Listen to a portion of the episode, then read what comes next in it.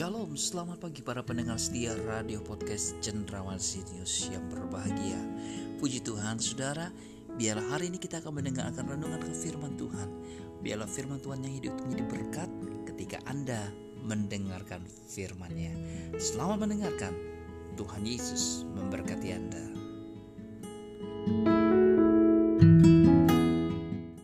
Halo, shalom. Tidak pernah bosan? Kita selalu rindu mendengarkan kebenaran firman Tuhan lewat podcast ini. Podcast ini selalu jadi berkat, saudara. Banyak orang yang bilang, wah saya diberkati loh lewat podcast ini. Benar-benar saya merasakan hidup saya seperti ada tambahan, ya hidup dalam vitamin-vitamin yang diberikan bukan hanya datang ibadah tapi mendengarkan firman Tuhan akan memunculkan iman yang luar biasa karena iman timbul dari pendengaran akan firman jadi terus dan sering-sering mendengar firman supaya iman Anda bertambah. Kalau iman bertambah artinya menghadapi masalah nggak takut lagi. Menghadapi persoalan tidak khawatir lagi. Sebab ada Tuhan bersama saudara. Dan Tuhan tidak pernah ingkar janji. Dia selalu lindungi saudara dia selalu tolong saudara. Dan segala macam apa pun yang sedang saudara hadapi, oh Tuhan sangat baik. Dia lindungi saudara, dia pelihara saudara. Dan janjinya ya dan amin. Nah, hari ini tema saya bicara tentang Allah hidup ya pasti Allah itu hidup. Kalau Allah mati dia nggak bisa bikin apa-apa. Justru Allah hidup menunjukkan bahwa dia bisa melakukan segala sesuatu. Bahkan sampai hari ini pun apakah Allah turut bekerja? Yes. Allah turut bekerja dalam melakukan segala sesuatu yang mendatangkan kebaikan. Masih saudara. Dan saya percaya Ketika Allah bekerja, masa kita diam saja? Allah bekerja, kita terus bekerja supaya kita ada punya eh, menjadi rekan sekerja Allah dan jadi berkat. Nah, kita akan baca dalam Matius 22 ayat 23 sampai 33. 23 sampai 33 demikianlah firman Allah. Perikopnya berjudul pertanyaan orang Saduki tentang kebangkitan.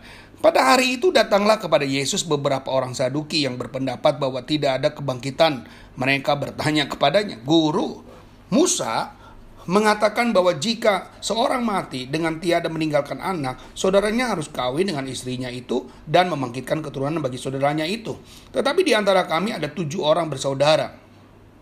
Yang pertama kawin, tapi kemudian mati. Dan karena ia tidak mempunyai keturunan, ia meninggalkan istrinya itu bagi saudaranya. Demikian juga yang kedua dan ketiga, sampai dengan yang ketujuh. Dan akhirnya sesudah mereka semua perempuan itu pun mati. Siapakah di antara ketujuh orang itu yang menjadi suami perempuan itu pada hari kebangkitan? Sebab mereka semua telah beristrikan dia. Yesus menjawab mereka, kamu sesat, sebab kamu tidak mengerti kitab suci maupun kuasa Allah. Karena pada hari waktu kebangkitan orang tidak kawin dan tidak dikawinkan, melainkan hidup seperti malaikat di sorga. Wah, tetapi tentang kebangkitan orang mati, tidakkah kamu baca apa yang difirmankan Allah ketika ia bersabda, Akulah Allah Abraham, Allah Ishak dan Allah Yakub. Ia berusahalah Allah orang mati, melainkan Allah orang yang hidup. Orang banyak yang mendengar itu takjub akan pengajarannya. Wah, ini menarik sekali ya. Intinya adalah ia bukanlah Allah orang mati, melainkan Allah orang yang hidup. Jadi kalau Allah hidup ya benar Allah yang hidup karena dia percaya karena kita akan menjadi orang-orang pilihan Tuhan. Kelompok Saduki tentang Levirat yang dikatakan saudara ipar ini dikaitkan dengan kebangkitan orang mati. Tujuannya adalah jebakan buat Yesus ya jebakan saudara. Banyak orang-orang sekarang ini bertanya bukan untuk uh, pengetahuan ilmunya tetapi hanya untuk jebakan mencari-cari kekurangan mencari-cari kelemahan yang selalu rutin itu terjadi dan saudara jangan heran ya, ya tanggapi dengan baik. Saudara tidak perlu marah dengan apa orang yang sudah lakukan seperti itu. Tujuannya untuk dapat menyerahkan hukum otoritas Romawi. Respon Yesus sudah uh, cukup mengejutkan. Yesus mengatakan bahwa pandangan mereka menyesalkan mereka tidak mengerti firman dan kuasa Allah. Setelah meninggal kita tahu menjadi makhluk rohani dengan tubuh kebangkitan, ya tubuh kebangkitan yang kita pakai nanti pada waktu Yesus panggil kita, ya, terjadi rapture. Nah, itulah tubuh kebangkitan. Tidak memerlukan lagi kegiatan untuk kawin dan prokreasi. Apa saja. Jadi pasti nggak mengenal juga kita. Kalau udah mati kita nggak mengenal siapa dia, siapa dia, istri kita, anak kita. Tetapi kita sedang membawa mereka. Tuhan tahu nggak tahu, tapi kita yang nggak tahu. Ya saudara, kemudian dia memberikan pernyataan dan penegasan, akulah Allah Abraham. Nah itu yang tadi saya baca di ayat ke-32. Allah Yakub, ia bukanlah Allah orang mati, melainkan Allah orang yang hidup. Kata aku adalah, di sini Allah bilang, bahasa Yunani adalah ego elmi, yang dalam bentuk waktu kini atau bukan lampau, jadi Allah tetaplah Allah bagi Abraham dan Yakub dan Ishak karena mereka semua dibangkitkan dan menjadi makhluk rohani yang kekal. Jadi Allah kita dengan Allah Yakub Allah yang sama. Nanti pada waktu dibangkitkan mereka jumpa juga dengan kita dan tahu ada bersama dengan kita juga. Nah jawaban Yesus ini menunjukkan tiga hal penting untuk memperlihatkan bahwa ia adalah Allah yang menjadi manusia. Ya, dia memperlihatkan yang pertama, catat baik-baik, dia memperlihatkan hikmat Allah yang kekal, yang mengagumkan itu Allah kekal yang mengagumkan. Yang kedua komitmen Yesus terhadap kemurnian dan kesetiaannya terhadap firman. Jadi tidak akan pernah bergeser dari firman. Apa yang sudah disampaikan akan dikenapi. Itu yang Tuhan mau. Ketiga, ia meneguhkan kebenaran akan adanya kebangkitan orang mati dan menerima hidup kekal dan adanya penghukuman kekal. Yesus memberikan harapan, kebangkitan dan hidup kekal dan ia juga telah membuktikan setelah kebangkitannya ia menampakkan diri kepada orang banyak selama 40 hari dan inilah bukti siapakah Allah kita. Dia bukan Allah yang tiarap, dia bukan Allah yang berdiam, dia adalah Allah yang hidup.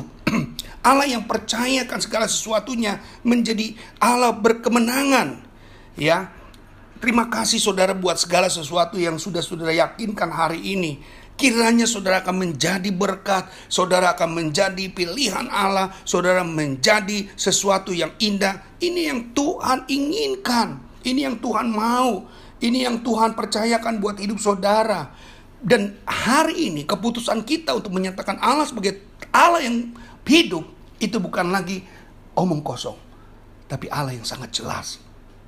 Dia memberikan pengharapan, dia berjanji Bahkan Allah yang bukan otoriter, tapi Allah yang sangat solider. Buktinya apa? Dia dia tetap setia kepada orang yang gak setia. Dia tetap baik kepada orang yang tidak baik kepada dia. Dia kirimkan hujan kepada orang yang jahat sama dia. Dia kirimkan panas bagi orang mungkin yang petani yang mengkhianati dia. Ataupun yang menghujat dia. Banyak saudara. Kebaikan Tuhan tetap masih nyata. Kebaikan Allah tetap menjadi nyata. Jadi saatnya saudara yang kekasih dalam Tuhan. Mari Lekatkan diri kita dengan Tuhan dengan sungguh-sungguh. Percayakan hidup saudara dengan Tuhan dengan sungguh-sungguh. Dan kalau Tuhan pakai hidup saudara untuk menjadi alatnya, maksimalkan. Jangan pernah meremehkan janji dan kuasa Tuhan buat hidup saudara. Dan saudara akan menjadi berkat di mana saudara ditempatkan dan Allah akan menyertai saudara. Immanuel, Allah bersama kita. Itu saja yang saya boleh bagikan kepada saudara-saudara semuanya. Dan saudara sebagai jemaat Tuhan diberkati. Dan percaya Allah saudara yang saat ini adalah Allah yang hidup. Bukan Allah yang biasa, bukan Allah yang gak bisa dipercaya, tapi Allah yang luar biasa. Tuhan Yesus pasti memberkati. Haleluya. Shalom.